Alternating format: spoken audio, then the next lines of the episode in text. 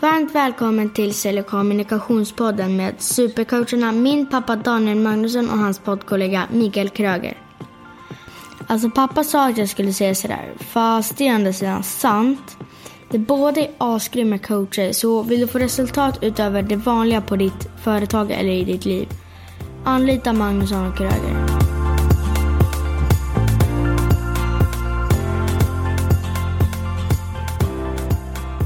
Här är Daniel Magnusson och du lyssnar på Sälj kommunikationspodden. Och med mig i studion idag så har jag ingen mindre än Chris Pettersson. Och Chris är då, han säger inte att han är entreprenör, han är däremot en initiativtagare. Han ser till att det börjar hända saker och ser till att inspirera. Han jobbar som coach och föreläsare. Eh, det, det är min bild av honom och han älskar också försäljning och att ta plats. Att se till att inte låta Jante hålla dig tillbaka. Det är min fantasi om dig Chris. Så jag tänker, välkommen Chris! Tack så jättemycket, jättekul att få vara här framförallt. Eh, nej men det är väl som du, som du säger, just det här med att människor har väldigt lätt att kalla sig för för entreprenörer idag. Entreprenörer är så, ett sånt väldigt brett ord och jag, jag, precis som du säger, jag är väldigt för att människor ska kunna få, få utvecklas och ska kunna egentligen få, få, få kalla sig det de, det de vill. Men initiativtagare tycker jag passar mig bättre för att jag är liksom inte knuten till ett fast varumärke så, utan jag, jag vill gärna se till att hjälpa människor och inspirera människor på olika sätt, på olika platser, med olika verktyg, med olika människor och så vidare. Aha. Och så, så hur skulle du vad, vad, skulle du säga om du, så här, ja men berätta om dig själv, vad skulle du säga, vem är du?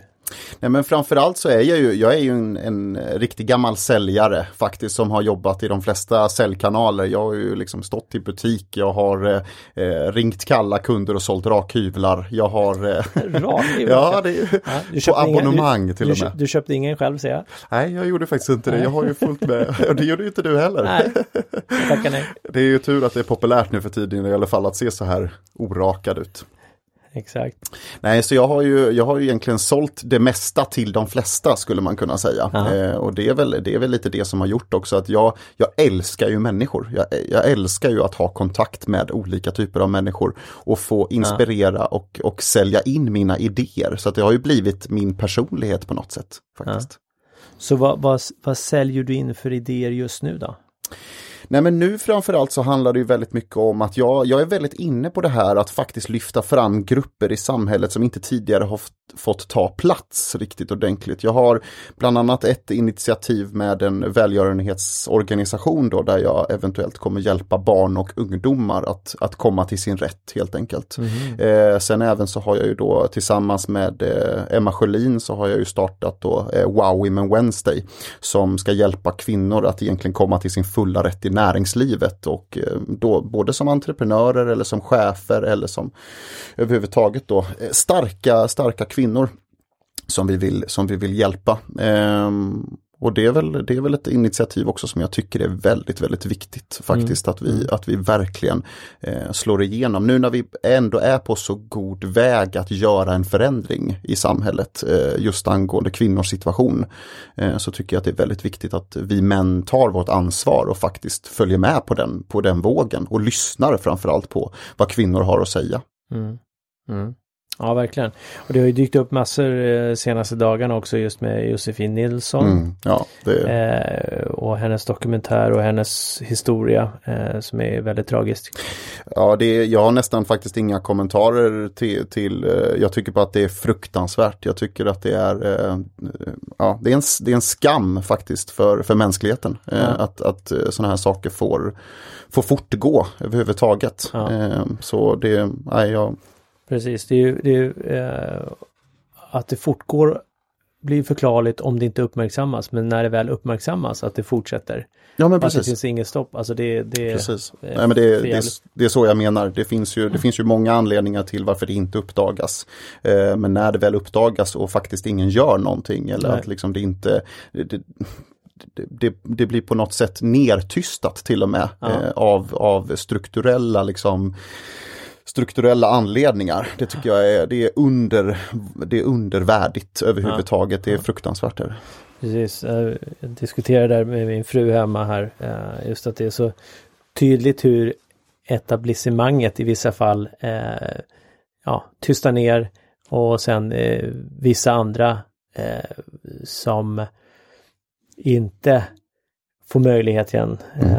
när framförallt kvinnor, kvinnor, någonting om Petra Nilsen hörde jag mm. någonting om att hon mm. Hon har haft alkoholproblem och har varit nu då nykter i tio år och har jättesvårt att få jobb. Ja, absolut. Men sen så kan du ha andra som springer runt fulla på scen och mm. det är okej. Okay. Ja, men det, exakt. Det, det, men ja. det, det, är intressant. Vi, vi ska inte djup, fördjupa oss i det ämnet. uh, så, så det jag tänker så, Wow Women Wednesday. Exakt. Va, vad är det för någonting då? Det är ju egentligen ett, eh, vi, startade det förra året, vi satt och pratade om precis exakt så som du och jag sitter och pratar nu, så sitter vi och pratar om kvinnors situation på arbetsmarknaden. Mm. Eh, just med tanke på att, att eh, vi, vi faktiskt har en vi har en, alltså liksom olika typer av strukturer på arbetsplatser där, där kvinnor tjänar mindre än män, där kvinnor får eh, mindre publicitet, mindre beröm för det de gör eh, och att man på något sätt har, en, har ett för, förminskande utav, utav eh, kvinnors jobb faktiskt och väldigt mm. ofta tar det för givet. Eh, och det, när vi satt och diskuterade det här så, så pratade vi om att man, man borde faktiskt göra nätverksträffar för kvinnor och så tänkte vi så här, det här kanske vi kan, vi kanske kan ansluta oss till någonting som redan finns. Och det, det finns inte så mycket nätverksträffar för kvinnor som verkligen basunerar ut att vi faktiskt vill göra en förändring, utan det finns liksom små, det finns ju då inom tech till exempel, tech är ju väldigt duktiga på att vilja ha in kvinnor på grund av att det är, det är en väldigt mansdominerad bransch, men i övrigt så hittade vi inte så jättemycket eh, nätverksträffar för kvinnor runt om i Sverige. Och då Nej. tänkte vi att då startar vi någonting själva. Ja. För att eh, är det så att ingen annan gör det så ville vi göra det själva. Ja. Och vad, vad, är det som händer, alltså hur ofta och vad är det som händer på de här träffarna? Nej men då träffas vi ju, förra gången så var vi på eh, Porter Park uppe vid Sankt Eriksplan helt enkelt och då hade vi ju, eh, vi, vi hade ju sålt fullt hus. Vi trodde att, eh, vi, vi, tänkte så att ja men vi släpper ett par biljetter så får vi väl se hur många som kommer. Det var inget så speciellt som, som vi planerade utan eh, då körde vi ju då sålde biljetter till ungefär runt, runt eh, 50 kvinnor och eh, på en och en halv månad innan eventet ens var så hade vi sålt slut. Eh, mm. Eh, och det hörde av sig jättemycket sponsorer, det hörde av sig jättemycket kvinnor som, som ville dela med sig egentligen av sina historier men som också ville vara med och, och vara gäster eller som ville påverka eller som ville mm. så. Och det var ju också fantastiskt kul för att, för att vi har ju fått, eh, vi har ju fått enormt mycket eh, eh egentligen tack och, och enormt mycket då stöd här i efterhand av, av kvinnor som faktiskt också har, har känt att de fick väldigt mycket ut av den här mm. nätverksträffen. De fick komma dit, de fick träffa andra entreprenörskvinnor, de fick träffa eh, andra kvinnor som har gjort den resan som de vill göra eller, eller så är det så att de också har fått känna att ja, men jag kan faktiskt göra en impact, jag får träffa yngre kvinnor som jag kan hjälpa eller som jag kan ta någonstans helt enkelt. Och det är fantastiskt när det, när det sker. Just det. Ett utbyte. Ja, verkligen. Och i det här fallet och vad, vad, hur ofta träffas ni du? Nej men vi försöker ju köra, eh, vi kommer ju köra en träff här nu i, i juni helt mm. enkelt. Så mm. då kommer vi försöka köra, köra nästa eh, Wow Women då, eh, Wow Women Wednesday. Och eh, vi, vi tänker väl oss, det här, är lite, det här är lite svårt naturligtvis för att eh, allting ska ju passa in då, men vi mm. tänker oss en gång i halvåret ungefär. Mm. Och då kommer vi också börja köra sen att vi kommer turnera med det här så vi kommer försöka köra Stockholm, Göteborg, Malmö främst, men även några andra städer då. Just det. Och, och sen så på de här träffarna då, och det är på eftermiddagar, kvällstid eller? Ja, det är ju kvällstid ja. eh, oftast och det är ju då när, när folk faktiskt har kommit eh, från jobbet. Vi, vi tänker oss att det här ska vara som ett, vi tänker oss att det här ska vara som, lite som ett out of office, eh, för, out of office fast med mer eh, egentligen kunskap om man säger så. Mm, alltså in, mm. Det ska ju naturligtvis vara fest och, och, lite bubbel och lite, lite mingel och lite trevligheter men vi vill också ha ett, eh, vi vill också kunna ge de här kvinnorna kvinnorna eh, kunskap. Mm. Vi vill också kunna ge dem utbyte, kunskap, vi vill också kunna ge dem ett, ett sammanhang att träffas och faktiskt eh, ta, ta vidare någonting som även är efter den här nätverksträffen. Det ska liksom inte bara vara att träffas och ha en trevlig stund tillsammans utan du ska få med dig någonting helt enkelt. Just det. Och, och så det innebär att det är lite föreläsningar och sådana saker och aktiviteter då? Ja men exakt, vi har ju, vi har ju, det finns ju, det, är det, här som, det här är ju väldigt roligt faktiskt för att eh, vi, vi har ju väldigt svårt ibland att få tag i kvinnliga föreläsare. Ja. Och det är inte för att kvinnor eh, är, är eh, sämre än män på att föreläsa. Absolut inte, utan jag skulle säga att det det beror på är ju för att väldigt ofta när vi slänger ut en fråga till exempel, så här officiellt när vi slänger ut, ja men vi, vi har ett event, vi skulle vilja att att eh, ha en föreläsare till det här eventet, till exempel inom digitalisering eller sociala medier. Då är det väldigt ofta så att jag får 50-60 svar från män som säger så här, ja jag kan prata. Mm. Jaha, okej, okay. vad, vad, vad, hade du tänkt att prata om? Nej, men det, det, vet jag inte, men det löser sig. Och så vidare. Sen när jag aktivt går liksom, till en kvinna som jag, som jag tänker så här, shit, hon skulle passa perfekt. Det här vore mm. toppen. Hon jobbar precis med det jag vill förmedla. Hon verkar superduktig och hon har verkligen, liksom, jag har tittat lite grann på, på vad hon har fått för recensioner och så vidare. Och så frågar jag henne eh, och så här, hur, hur eh, hur eh, skulle du ställa dig till att komma och prata eh, för oss då eller på Wowie med Wednesday eller liknande? Då kanske man väldigt ofta får svaret då helt enkelt att så här, nej jag, jag, jag vet inte, vad, vad, vad, skulle jag prata om? V mm. Vem är jag och, och prata om det? Och så vidare. Mm. Det finns mm. liksom en, en mer Försikt ja, men försiktighet inför ja. att ta sig an då uppdrag för att man vet inte om man kan göra det bra eller, ja. eller liknande. Mm. Och det där tycker just det jag vet inte om fenomenet är rätt ord för det, men, men det, det, som, det händer ju även att män söker ju oftast tjänster som de vet att de är underkvalificerade ja, ja. för. Eh, Medan kvinnor absolut söker bara det de passar in Precis. för. Precis. Uh, och, och, är lite mer försiktiga och så vidare medan mm. män, bara skitsamma. Liksom. Nej men så är det, så är det verkligen. Eh, och det är ju som, jag har pratat med rekryteringsbolag ganska många gånger och de mm. säger ju exakt samma sak. Det finns ju, pratade bland annat med ett, ett, ett rekryteringsbolag då som rekryterar väldigt mycket kvinnor och som, är, som, som riktar sig till kvinnliga målgrupper eller riktar sig till kvinnor för att just kunna få in mer kvinnor inom näringslivet och på arbetsmarknaden. Mm. Och i höga positioner framförallt. Eh, och hon sa ju det att eh, väldigt ofta så, så män söker sig i lika stor utsträckning till till deras byrå, även om det står att vi är en, en, en rekryteringsbyrå som är dedikerad för kvinnor främst. Mm. Så söker sig lika mycket män dit som det, mm. som det söker sig kvinnor. Medan så, så, så, så, sa hon så här att om det hade varit så att vi hade haft tvärtom, det hade varit en, en, en byrå eller en, en rekryteringsfirma som hade riktat sig till män. Mm. Då är det inte säkert att det hade varit knappt några kvinnor eh, som hade sökt sig dit Nej. överhuvudtaget. Och det är lite det här jag vill bygga bort. Ja. Jag vill ju bygga bort den här liksom strukturella rädslan för att vara bra som kvinna. Jag vill ju verkligen att den ska, att den ska försvinna framförallt. Så. Jag bara tänker, antingen så är män väldigt arroganta eller så väldigt dåliga på att läsa. Det är en sak som dyker upp i huvudet. båda och kanske. Ja, precis, båda och. Och så tänker jag i det här fallet, vad, vad är det som gör att du brinner så mycket för det här? Nej men det är väl framförallt för att jag har haft väldigt starka kvinnor eh, runt om mig hela mitt liv. Eh, och jag har ju väldigt mycket kompisar som är, som är tjejer.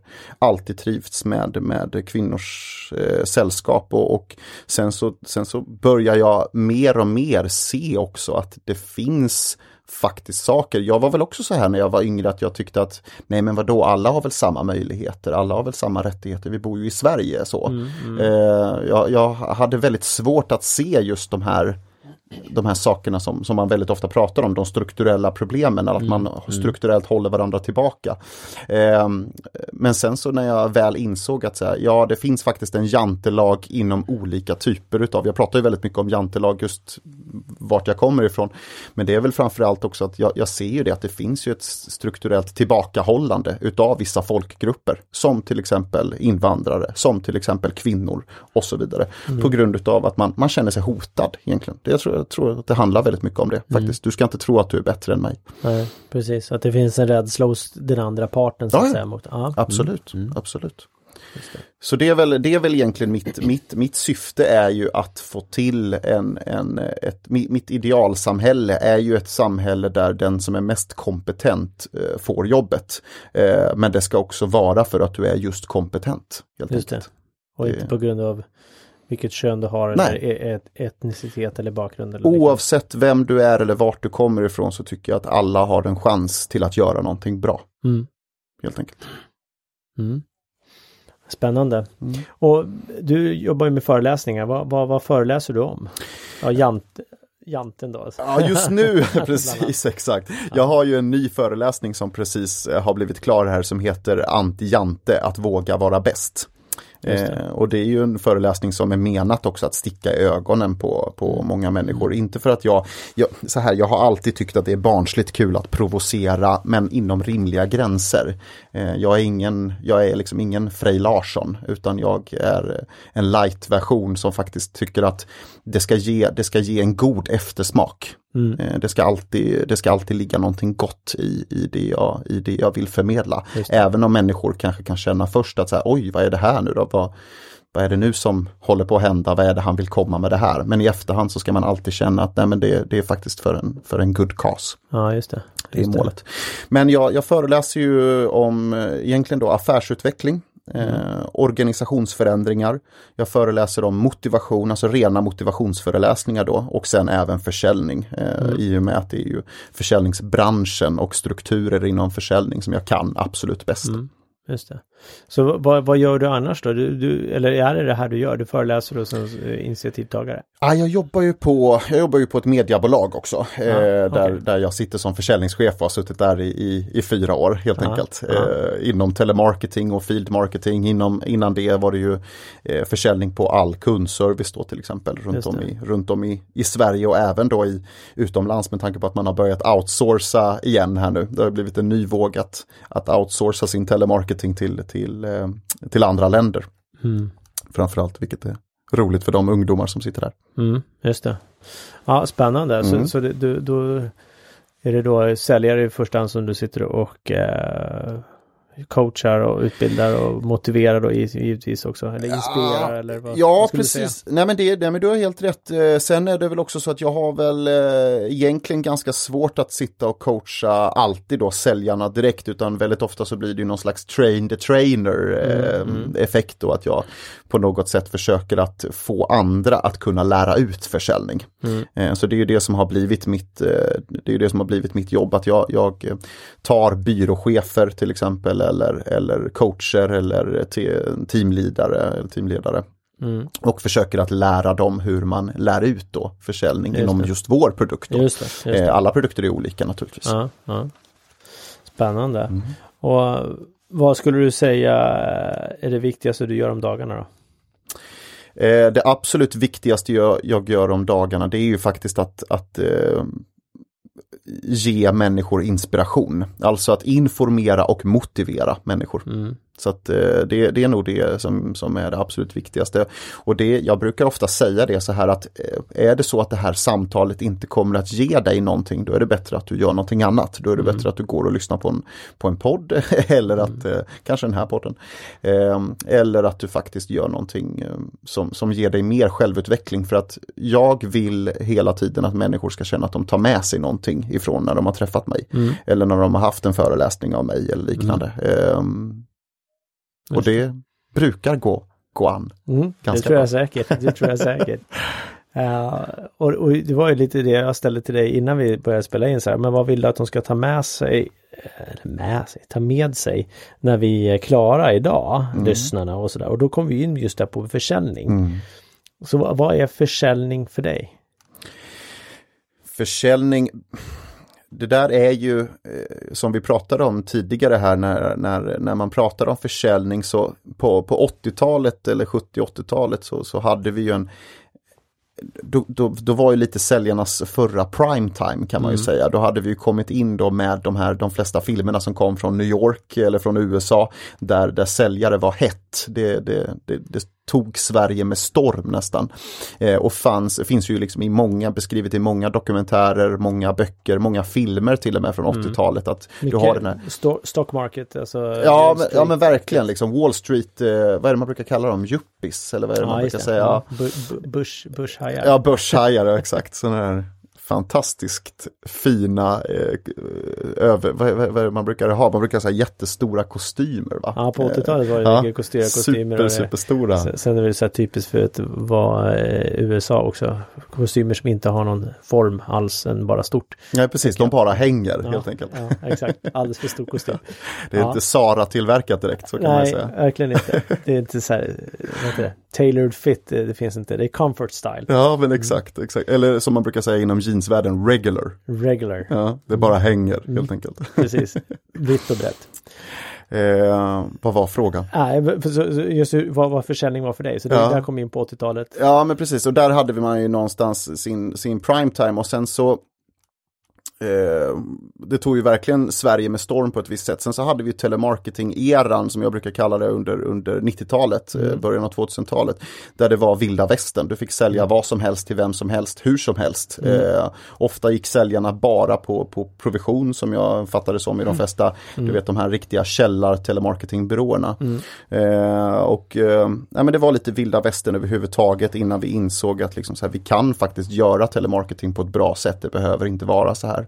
Och sen växte ju ett antal väldigt bra initiativ fram, till exempel Kontakta är ju ett sånt initiativ som är väldigt bra naturligtvis. Um, och under nu någonstans från 2000, ja men runt 2010 och framåt så har vi ju börjat se en trend där, där försäljning verkligen har blivit liksom ett, ett bra yrke igen. Alltså ett, ett accepterat yrke för det första, ett yrke som har ändå, som är på väg att få, få väldigt hög status i samhället.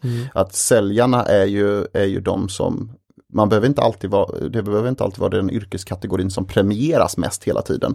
Men, det, men, men man har verkligen satt både teknik som tidigare fick sitta i källaren och försäljning som ett, ett tag var, nej vi ska inte syssla med försäljning, vi ska bara syssla med kundlojalitet, vi ska bara syssla med kundservice. Helt plötsligt så har man flyttat in både teknikgänget och försäljningsgänget in i finrummet igen eh, på många företag. Och det, det tycker jag är fantastiskt kul att se. Och det är just det som försäljning är för mig. Försäljning är förmågan att kunna få en människa eller liksom ett företag att kunna lyssna på vad du har att säga.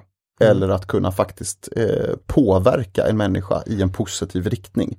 Eh, är det så att du påverkar en människa i negativ riktning då är det ingen försäljning tycker jag. Utan, eh, och folk brukar säga det till mig, så här, ja vad, vad, vad, vad tycker du att jag är ju ingen säljare, så här. Hur, hur ska jag kunna ta, mig, ta, ta till mig det du säger och så vidare.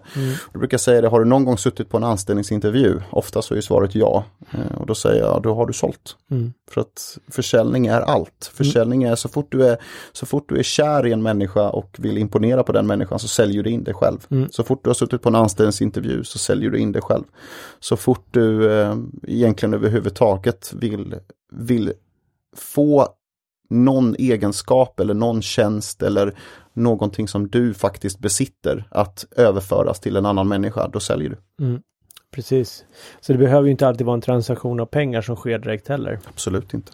Nej. Väldigt sällan är det så faktiskt. Väldigt sällan är det transaktioner av pengar Ja. när man pratar om att liksom man säljer in sig själv eller liknande. Precis, och påverka någon i någon riktning. Ja men precis, Ja. precis.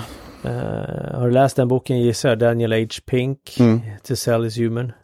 Det är ju en eh, väldigt speciell bok. Ja. Eh, faktiskt, men också väldigt bra. Det är, det är kul att du tar upp den. Det är väldigt många som brukar ta upp just den boken Ja. faktiskt. För den, den tycker jag är väldigt bra ut i form av att eh, hur han presenterar om Mm. försäljning och vad det är och det är precis som du säger här också just att att få någon att gå in, eller gå eller göra någonting i en viss riktning Mm, är också mm, en sorts försäljning. Nej, men absolut. Så det, det är viktigt att att inse det, att vi alla jobbar med försäljning i någon form. Absolut. Absolut. Nej, men jag menar försäljning överlag är ju, försäljning överlag är ju väldigt speciellt på det sättet därför att du har ett du har en otrolig, eh, du, har, du har en otrolig egentligen komplexitet Mm. i att försöka an, ta information, ta kunskap, använda den kunskapen för att snabbt kunna övertala en annan människa om att det är precis exakt så den bör göra för att ta människan från, eh, från punkt A till punkt B. Alltså det krävs, det krävs en otroligt skarp hjärna överlag för att kunna för att kunna sälja och för att kunna syssla med försäljning. Eh, för att det, det krävs att du är väldigt snabb på att ta in information. Det krävs att du är väldigt snabb på att använda den informationen, analysera den informationen och sen anpassa den informationen till vad det faktiskt är du vill åstadkomma. Och dessutom kunna använda det här samtidigt som du då använder rätt kroppsspråk, använder rätt tal, använder egentligen rätt gester, gestikulering och så vidare. Så det, Försäljning är komplext eh, och säljare är, eh, precis som många andra yrkeskategorier, otroligt, eh, otroligt mångfacetterat. faktiskt. Mm. Precis, för det, det är där många gör fel tror jag när man tittar på försäljning. Antingen så kategoriserar man sig alls absolut inte som säljare. För att du förknippar med att det är något dåligt och du är rådgivare och du är allt möjligt. Mm. Och sen så, eller inte alls utan du är någon helt yrkes, annan yrkeskategori i den formen. Och så tycker du att det är bara fult. Så brukar jag säga så här, å andra sidan utan försäljning så skulle vi inte leva. Nej, absolut. Vi ska inte ha någonting där vi, vi är inte där vi är. Eh, och, och sen det andra är ju också att en del kan ju tycka att det är så lätt med försäljning. Att det, hur svårt ska det vara?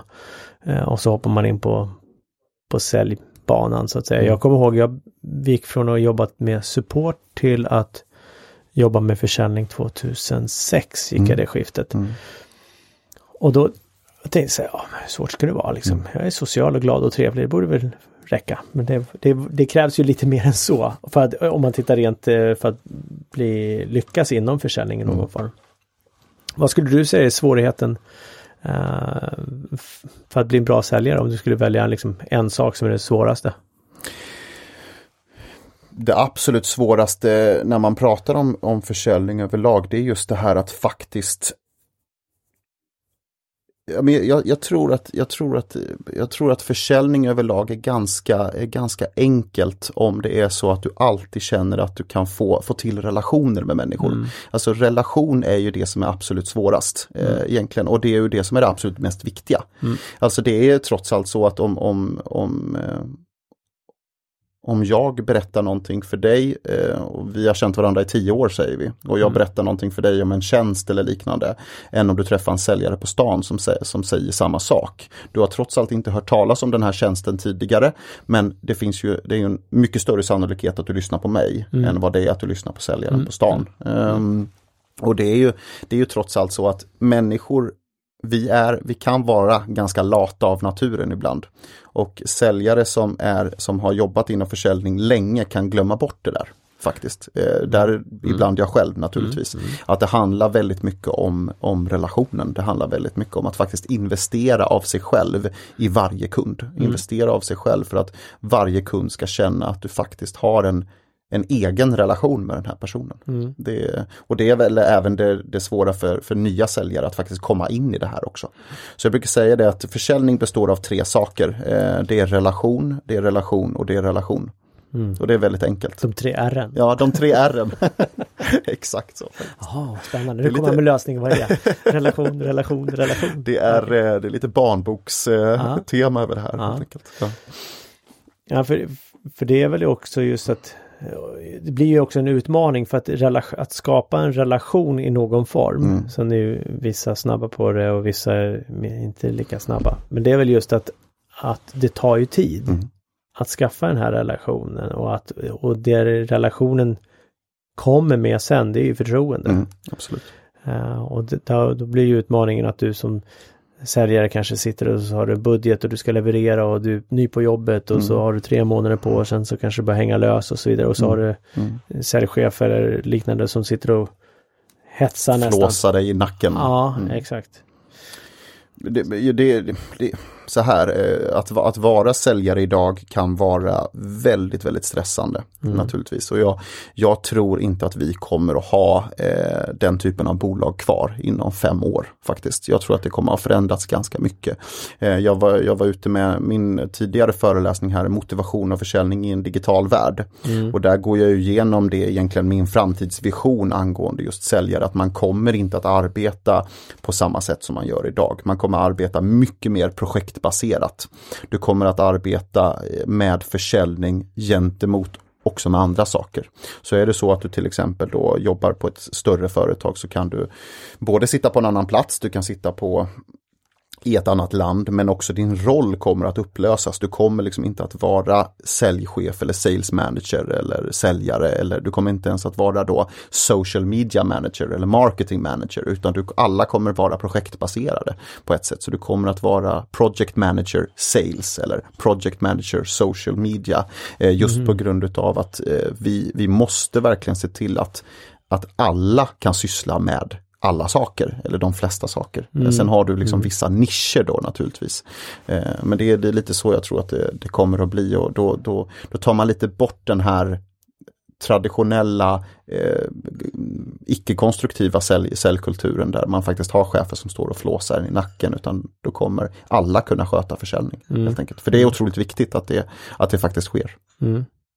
Ja precis och det syns väl tydligt när man tittar på att man får, uh, får en supportavdelning mm. eller kundserviceavdelning eller mm. innesäljsavdelning att det faktiskt säljer också hela vägen, Absolut. inte bara ta emot order eller Absolut. kundbemötande och så vidare. Där sätter du ju verkligen huvudet på spiken. Det är ju, jag har jobbat med kundservice många år mm. eh, också och försäljning då på kundservice och det är mm. ju den absolut, eh, det är ju den absolut svåraste gruppen att motivera och att få att sälja. Mm. Det är ju de som... All... Varför då? Nej men det är väl framförallt för att de, de, de har ju en de har ju någon slags bild av sig själva som icke-säljare. Mm. De har ju en, och de, de förstår ju inte att försäljning är service. De förstår ju inte att det är samma sak. Eh, vilket gör att, att de här människorna eh, överlag är väldigt svåra att, att, att just det är väldigt svårt att få dem att inse att du kan faktiskt genom försäljning ge bra service. Mm. Och det är nästan nödvändigt att det blir mm. så faktiskt att det, att det är på det sättet. Det. Eh. Jag tänker att de, de människorna som söker sig till en sån tjänst mm. oftast eh, har ju också eh, instruktionen om vad tjänsten innebär. Mm. Eh, den bilden av att det är där för att ge kundservice, svara på frågor, mm. hänvisa, hjälpa till i någon form. Mm. Och, och, inte se det som försäljning då utan som renodlad ja. service. Ja men absolut och, och så här, det, missförstå mig rätt, det här är alltså de som sitter på, på svenska kundservicar överlag, vi är väldigt kompetenta i Sverige. Mm. Eh, när, det, när det kommer till kundservice. Mm. Alltså svensk kundservice är väldigt bra eh, generellt sett om, mm. man, om, man, om man jämför på grund utav att vi, vi vågar väldigt ofta ha den här personliga kontakten med våra kund, mm. kunder. Vi vågar väldigt ofta skapa en relation. Eh, mm. Vi vågar väldigt ofta eh, egentligen också visa att vi, vi, vi tar vidare ärendet, vi bryr oss, vi, vi är med kunden hela vägen in i kaklet. Just Men det. det. är någonting som gör att vi faktiskt inte, det, det är fult på kundservice att mm. säga att man är säljare, att man håller på med försäljning. Eh, och ehm, det, jag, jag, tror att det, det, är nog väldigt kopplat till Jante faktiskt, mm. alltså till mm. Jantelagen överlag. Jag tror att det, det finns en strukturell, eh, en strukturell anledning till det hela. Mm. Mm. Ja, och att, att bilden på, på säljare oftast är runt nidbilden någon som kränger, Exakt. som inte lyssnar, som exakt. bara säljer det de försöker få bäst betalt för eller liknande. Ja men exakt och det är ju, jag kan ju bara titta på mig själv till exempel. Jag har ju faktiskt, jag har ju faktiskt suttit och, och, eh, och sålt eh, även i kundservice, även på, mm. på säljkanalen kundservice. Mm. Och jag menar så här, de månaderna som jag vann de månaderna som jag vann pris till exempel för bästa säljare eller bästa anti-churn-säljare, winback-säljare heter det kanske. Då, då fick jag ju väldigt ofta samma månad må, eh, året, eller månadens CSAT eller månadens nöjdaste kunder. Mm. Eh, och, och, det var ju så här, de sammanföll ju väldigt ofta. Varför då? Jo, därför att jag använde ju försäljningen som en service. Mm. Jag sa ju så här till kunden att okej, okay, du har det här problemet. Självklart ska vi lösa det här problemet för dig. Det är inga konstigheter och jag kommer sitta kvar med dig tills det här problemet är löst. Mm. Eh, Men sen handlar det också om att när vi väl hade löst det ärendet, då var ju kunden så pass glad så att då fick vi också titta över till resten av tv-abonnemanget. Mm. Och då kunde vi helt plötsligt också se att ja, men det fanns faktiskt saker som vi kunde göra så att det både blev billigare för kunden, men även om det inte blev billigare så insåg vi att kunden skulle ha mer nytta utav att faktiskt lägga till de här extra 100 kronorna eller 200 kronorna Mm, eller mm. liknande. Eh, och där tror, jag att, där tror jag att man har väldigt mycket att vinna i Mm. svensk kundservice idag. Faktiskt att inse att merförsäljning eh, är en form av service. Mm. Faktiskt. Jag, tänker just att du säger att kund, svensk kundservice är väldigt kompetent. Jag får också en känsla av att svensk kundservice har väldigt mycket first line support. Om man säger, och vad det innebär det är ju första linjens support, Mm. vilket ja, ringer jag till dig på supporten så får jag oftast hjälp av dig direkt och inte Absolut. att jag ska kopplas vidare och Mm. så vidare och så vidare. Det Mm. beror ju på vad, vad vi jobbar med såklart. Eh, jag tänker jag eh, jag vet inte om jag lyfte den när jag pratade med dig på telefon förut Chris, men, men jag köpte ju en soffa för ett tag sedan. Mm. Den var ju ljusgråa och så vidare, det är två år sedan. Ehm, och nu har vi en, en tvåårig son hemma. Mm. Och det blir ganska solkigt och så vidare. Och visade sig sen när vi skulle tvätta att det är ju bara torrschampo som Just gäller. det. Ja. Just det. Och det är ju både giftigt tydligen har jag fått höra efteråt. Plus att det är väldigt bökigt. Eh, brorsan köper också en soffa men han blir ju då eh, får ju då en merförsäljning från säljaren där för de bara, ja, men du behöver impregnera den här också. Mm, mm, Tänk på mm, det här, här mm. har det kostat 200 kronor flaskan eller vad det är. Mm. Jag fick ju inte ens frågan Nej, när jag köpte soffan. precis. Och där har vi dålig försäljning. Och dålig kundservice-synpunkt också. För jag blir ju irriterad i det här fallet över att de inte sålde. Mm. Jag var ju nöjd över soffan, jättenöjd och Mm. alltihopa så.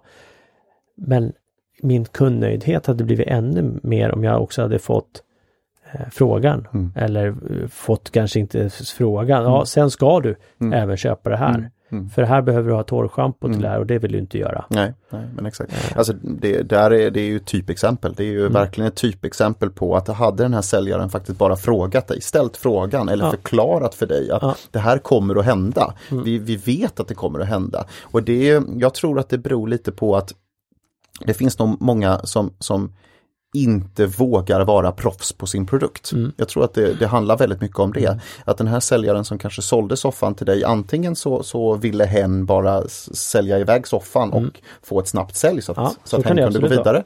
Eh, eller så kan det också vara så faktiskt att väldigt ofta så, så vågar man inte vara proffs på sin produkt. Man vågar inte rekommendera någonting ytterligare. Nej. Man vågar helt enkelt inte säga att vet du vad, jag har eh, erfarenhet från hundratals olika kunder som har kommit tillbaka och faktiskt sagt exakt samma sak. Så att jag kommer att slänga med den här till dig. Eh, det, det är någonting du bara måste ha, sen får du hacka i dig det. Nej men förstår du jag menar? Det är liksom, jag tror att man måste egentligen våga vara så rak och ärlig ibland faktiskt. Den, den, här soffan kostar 10 000 och då är, nej den här sprayburken kostar 10 000 och då får du med en soffa på köpet. Ja, alltså det hade varit nästan bättre. Man skulle ju kunna faktiskt vända på det, Ja. absolut. Och, och jag tror också just att, att eh, många är rädda för att vara påstridiga eller Ja, liksom upplevas. Som, som jobbiga i det fallet. Absolut, absolut. Eh, och det är rätt kul att du nämner det här med, med, eh, med service överlag eller att vi pratar om service för att jag, jag sitter väldigt ofta och tänker på sådana här saker. Dels för att jag försöker att coacha i det, dels för att jag försöker utbilda i hur man gör bra service eller hur man hur man någonstans levererar bra service. Service i världsklass. Eh, och en sak som så här, vi pratar om att, att kundservice i Sverige är väldigt kompetent. Mm. Och det tycker jag och det står jag för. Mm. Men i övrigt i samhället så har vi yrken som skulle kunna leverera, skulle kunna leverera bra service, men som absolut inte gör det. Mm. Eh, och jag, nu säger jag absolut inte, för jag vill absolut inte dra alla över en kam, men du har ju väldigt ofta människor som, som Ja men som kanske till exempel då jobbar inom butik eller som jobbar inom då som kanske inte är säljdriven butik utan som är mer då kundservice eller ku- kundvänlig eller hur, hur ska man säga kund eh, Ja men de, de kallar sig åtminstone mer för lojalitetsbejakande Ja. butiker, kanske Ja, mer ja. än säljande butiker. Ja. Ehm, Det är mer starka varumärken egentligen som driver in folket. Och, Ja men precis, precis. Det, tanken är egentligen att man, man ska bara, det är en orderhantering helt Ja, enkelt. det. Alltså det är bara att man ska, ja, kunden ska komma in, känna att de, de ser bra varumärken, köpa det de vill ha och sen gå. Igen, liksom. Matvarubutiker är första jag tänker på. Ja men, ja, men verkligen, verkligen. Eh, och även då vissa, vissa klädesbutiker till exempel som, som redan har sina brands klara. helt enkelt så. Och sina, sina kundkretsar.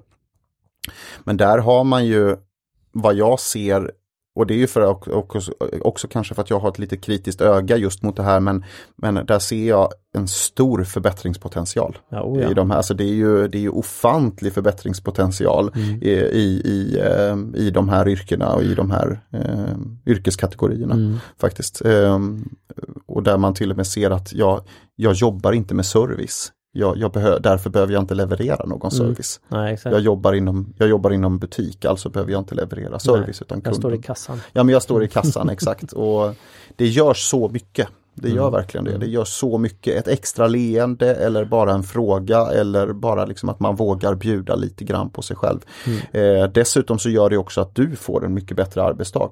Jag kan, Ja, säga, ja. jag kan säga så här att jag tror att mycket av den ångest vi känner idag, vissa människor gör eh, för att gå till jobbet till exempel eller för Mm. att överhuvudtaget vara, vara eh, nära sitt jobb.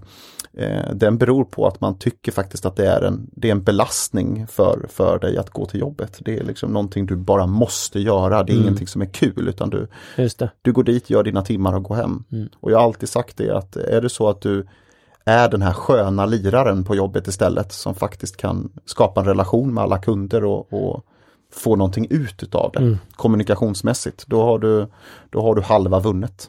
faktiskt. Precis, vad, vad, vad ha kul, vara rolig, eh, bemötande och så vidare. Jag tänker så här, var egoistisk, för jag menar, då kommer du ju må bra. Ja, Om ja. du är det, fast i samma veva så är du inte egoistisk. Du bjuder upp, du möter upp och du ser de Absolut. andra människorna. Absolut, absolut. Sen om du gör det för din egen skull spelar det ingen roll. Ja. Nej, men, nej men absolut, och du har helt rätt. Du har verkligen helt rätt. Och så här, när jag jobbade i klädbutik, eh, det absolut roligaste jag visste, det var att bemöta kunden direkt när de kommer in i butiken. Mm. Och jag är en sån här jobbig jävel också så att jag, jag är ju jag är direkt där. Liksom. Mm. Jag, jag stod ju och drack Red Bull och sen så direkt när kunden kommer in genom dörren då är man ju liksom pang på. Och då, det är ju vissa kunder som naturligtvis inte, inte tycker att man ska vara up in their faces så att Ja, säga. ja. Och det får man ju respektera. Då, är det ju bara, då backar man ju naturligtvis. Så mycket människokännare får man ju vara. Ja. Men sen så är det ju vissa som tycker att det är, vissa kunder tycker att det är barnsligt roligt att få prata med någon.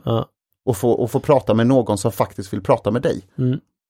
Och Exakt. jag menar så här, jag tror att, jag tror att min försäljning, mycket av min försäljning i alla säljkanaler jag har gjort, det är att jag har dels kunnat lyssna på, på, på kunder, dels kunnat vara, det är ju många gånger som jag har haft privata samtal med, med kunder om helt andra saker. Mm. Och det gör ju inte jag för att jag enbart vill ha in ett sälj. Utan det, gör ju, det är också någonting som, som jag faktiskt gör för att jag bryr mig om människor. Mm. För att jag faktiskt vill lyssna på vad de har att säga. Jag kan alltid lära mig någonting utav alla människor. Mm.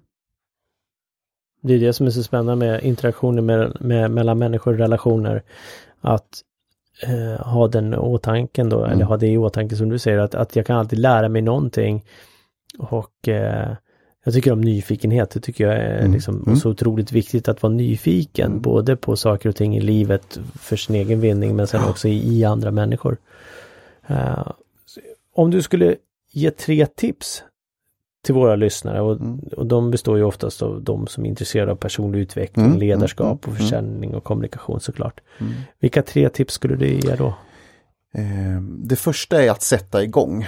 Är det så att du har en plan, är det så att du har någonting du vill göra, börja gå. Mm. Alltså börja gå i den riktningen. Du kanske kommer på det, du kanske liksom kommer på exakt vad det är du vill göra eller exakt hur du ska göra det liknande om tre månader, om ett år, om fem år. Men då har du åtminstone börjat gå. Mm. Det är viktigt med rörelse. Rörelse ger utveckling. Mm. Det är första, första tipset. Mm.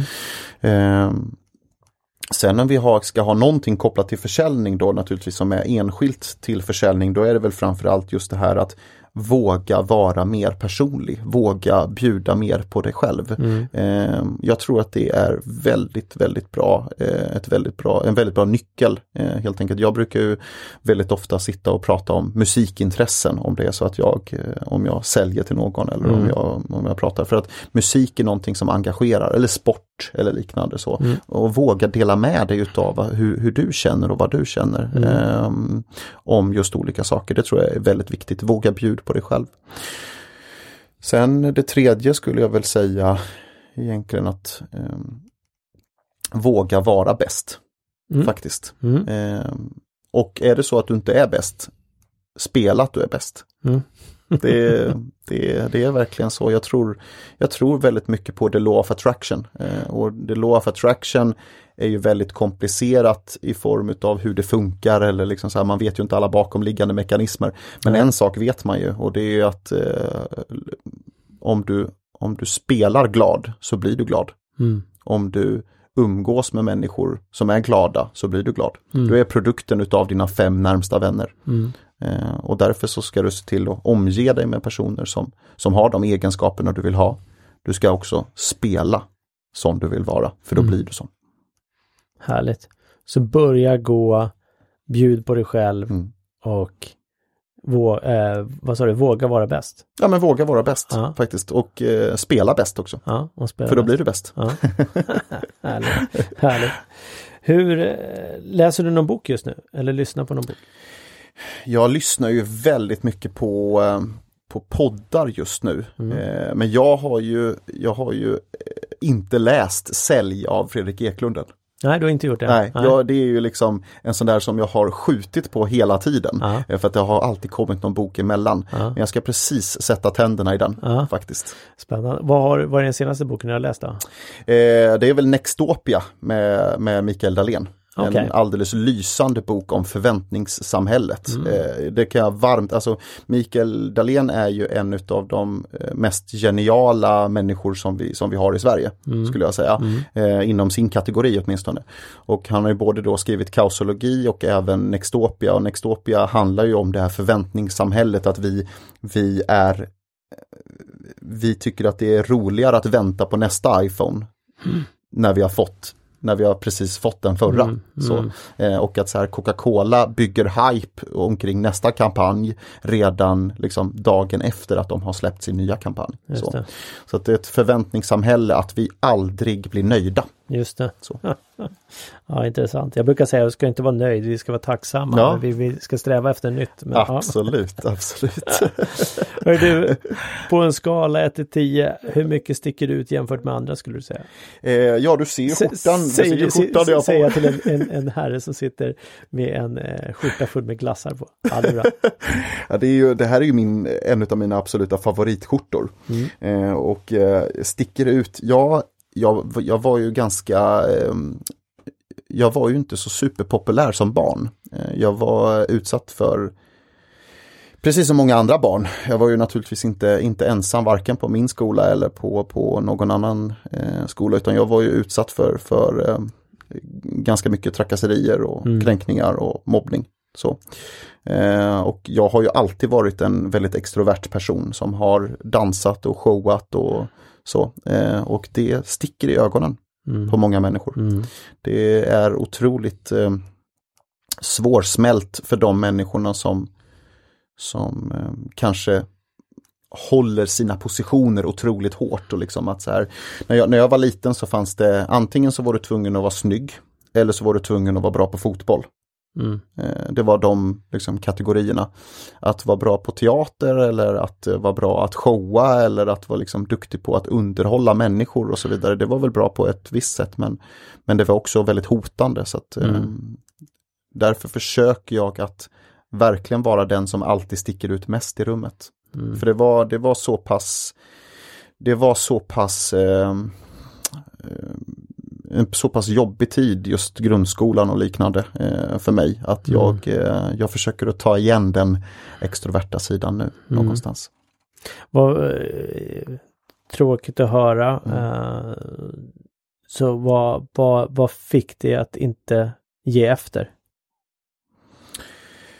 Eh, nej men det är som jag brukar säga många gånger så här att jag, jag hade kunnat eller så här, för du kan ju faktiskt ha gett efter just under den tiden mm. såklart. Mm. Gissningsvis. Uh, för att överleva. Mm. Uh, utifrån, utifrån, din egna upplevelse då så att mm. säga.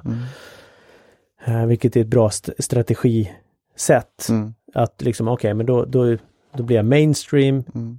för att inte hamna i trångmål. Mm. Och samtidigt så är det så många som fastnar kvar där. Vad, vad gjorde du för att ta ut ur den bubblan? För jag gissar att det, rätta mig om jag har fel, men eh, det är ju där eh, på något sätt så vart det väl så och sen så lyckades du på något sätt, gissar jag, att Absolut. blomma ut. Absolut, absolut. Eh, det, det, var ju det här som var, det var ju det här som någonstans var det, var det hemska med att växa upp i en eh, i en stad där janten är väldigt stark. Mm. Sen är min, min hemstad Växjö fantastisk på så många sätt. Det är verkligen en, en expansiv stad som är, som är otroligt, eh, otroligt nytänkande och, och, väldigt bra på så många sätt. Men janten är väldigt stark, framförallt liksom i, i Småland överlag. Och, och eh, jag kan säga så här för att det var väldigt ofta så att när man var utsatt eller när man egentligen blev utsatt för, för eh, kränkningar, mobbning, eh, misshandel och så vidare. Eh, då var det väldigt lätt att man flydde in i sig själv. Mm. Så att man någonstans man blev väldigt förtryckt på ett sätt. Man blev väldigt osocial, man höll sig för sig själv, man, man egentligen man egentligen tog bort alla de sidorna som, som är ett extrovert jag så, mm. och blev mer introvert. Höll mig mer för mig själv. Eh, an, enda anledningen till varför jag egentligen skolkade eh, under, under eh, eh, framförallt då under högstadiet. Det var ju egentligen på grund av att det var för jobbigt för mig att gå till lektionerna. Mm. Jag var inte trygg på lektionerna.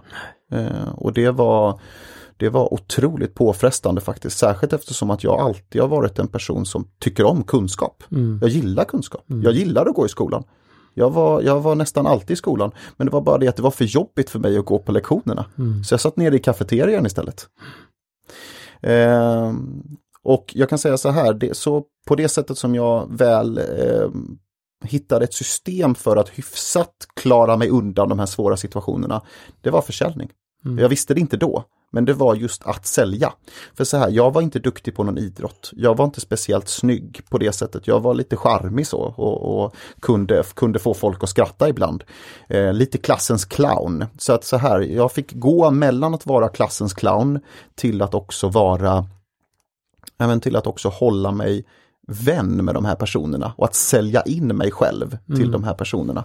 Eh, jag fick helt enkelt skapa en relation, inte som jag, inte som jag ville ha Nej. och inte som jag egentligen överhuvudtaget var intresserad av. Men jag var tvungen att skapa en relation mm. till människor för att de skulle acceptera mig. Mm. Så. För att, eh, jag brukar prata just om för att överleva mm. i, i, situationen. Mm. Eh, det behöver inte betyda att man, att man dör men, men som barn i det här fallet då mm. som, som barn och ung, tonåring då gissar jag. Så var det ju det som du såg då att ja, gör jag inte det här då överlever inte jag. Um, och ja, tråkigt. Så vad, vad, vad fick det att liksom blomma ut sen då? Liksom, för nu ser ju inte jag något sånt som ser dig och verkar hålla tillbaka. Nej. Och liksom, saker och ting klickar mer för mig nu när jag hör, okej, okay, jag förstår inte Jante och liksom hela Exakt. den och motivation och liksom Exakt. liksom den. Eh, det, det, känns som att du är du. Mm. Nu. Mm. Verkligen, verkligen.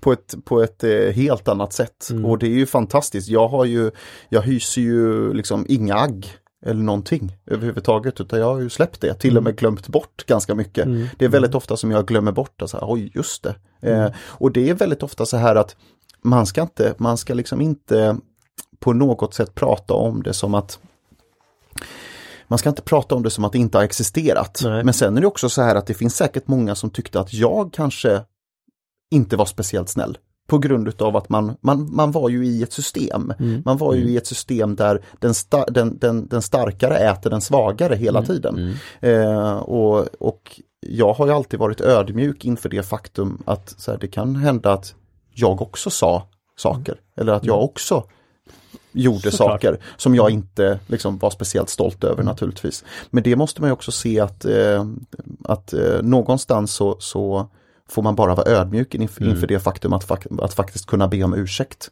Även för det man, man själv har gjort naturligtvis. Ja, ja. Men, men så som jag tog mig ur det, det var just det här att jag, jag, eh, började, jag började gymnasiet eh, och det var en stor frihet för mig. Det var en väldigt stor frihet för mig. Då helt plötsligt så mognade man till, man, man blev helt plötsligt på, vuxen på ett, på ett visst sätt. Ja. Eh, det var liksom ingen det fanns inte den här högstadiepenalismen på, samma, på samma sätt. Eh, och jag, det, det, var lite det här som var det roliga för att jag hade aldrig varit dukt, speciellt duktig på någonting. Jag var ganska average i skolan.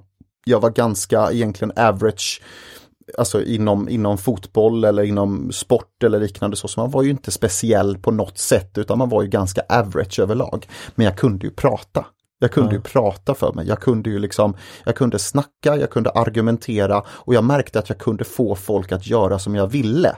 Eh, på ett bra sätt naturligtvis, alltså, mm. alltså jag kunde mm. peppa folk, jag kunde motivera folk. Jag fick ofta vara den här hobbypsykologen. Liksom. Mm. Eh, jag fick ofta vara relationsexpert fast man själv var singel i alla år. Mm. Liksom.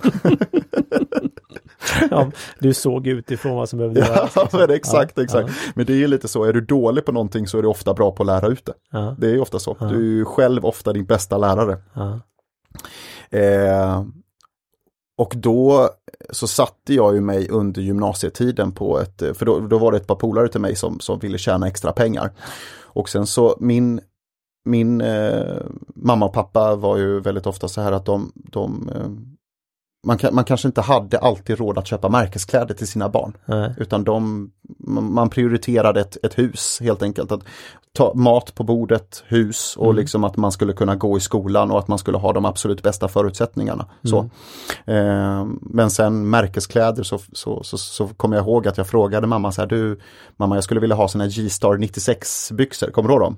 Nej. Klassiska, det var i alla fall klassiska byxor då som ja. alla ville ha. Alla helt enkelt. Ha. Ja, alla ville ha. När jag gick i skolan var Levi's 500. Ja, det var så. så gammal är jag. Ja, ja, Ungefär samma sak som när Brontosaurus då. Ja, exakt. samma ålder. samma ålder. Ja. Nej. Kritaperioden. Eh, djura tror jag. Ja, det var det. Okej, okay, ja, du ser. jag vet inte.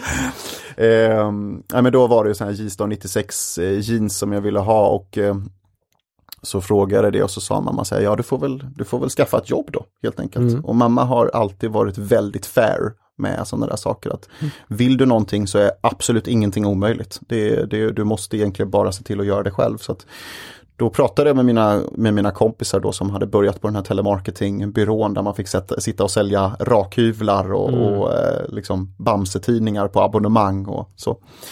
Och så sa jag det helt enkelt att så här, jag, jag, vill också börja, börja jobba och kom dit och för första gången så kände jag att jag var riktigt bra på någonting. För första gången så kände jag liksom att så här, det här är ju det jag ska syssla med. Det här är ju det jag ska göra. När jag tog mitt första samtal och jag fick in min första liksom, försäljning så kändes det som att jag hade suttit och pratat med en kompis. Mm. Och när jag fick min första lönecheck, det var på 8000 spik. Eh, då gick jag och köpte en kebabtallrik och ett par J-star 96 byxor.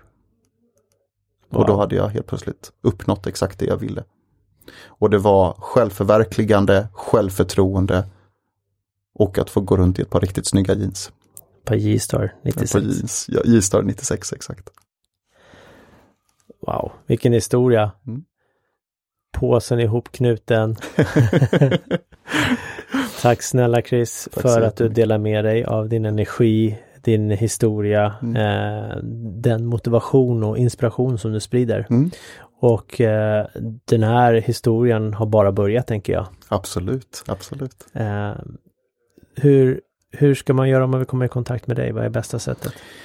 Eh, jag finns ju på, på Instagram eh, om det är så att man vill komma i kontakt med mig eh, där eventuellt. Mm. Eller så kan det vara så att man, man går in på eh, crispconsulting.se C-R-I-S-P consulting.se eh, Eller så kan man också eh, kontakta mig via mail då. Mm. Då är det chris crispconsulting.se Chris med CH C-H-R-I-S och sen Precis, ja precis. Ja, CHRIS och sen snabel A, CRISP. Okay. Crisp, som i, ja just det, crisp. Som i blänkande eller skinande. Just det. Mm. Ja, det är bra. Shine bright like a diamond så att säga. Exakt, härligt. Och jag lägger även eh, länkar det i, beskrivningen på uh, avsnittet. Mm. Till, till dig där och även till din Instagram där. Det blir jättebra. Tack snälla Chris. Tack så jättemycket för att jag fick vara med. Och tack så mycket. Och tack för du, till dig som har lyssnat. Ha en fin dag. Hej! Tack snälla för att du har lyssnat på den här podcasten idag. Hjälp oss att nå ut till fler.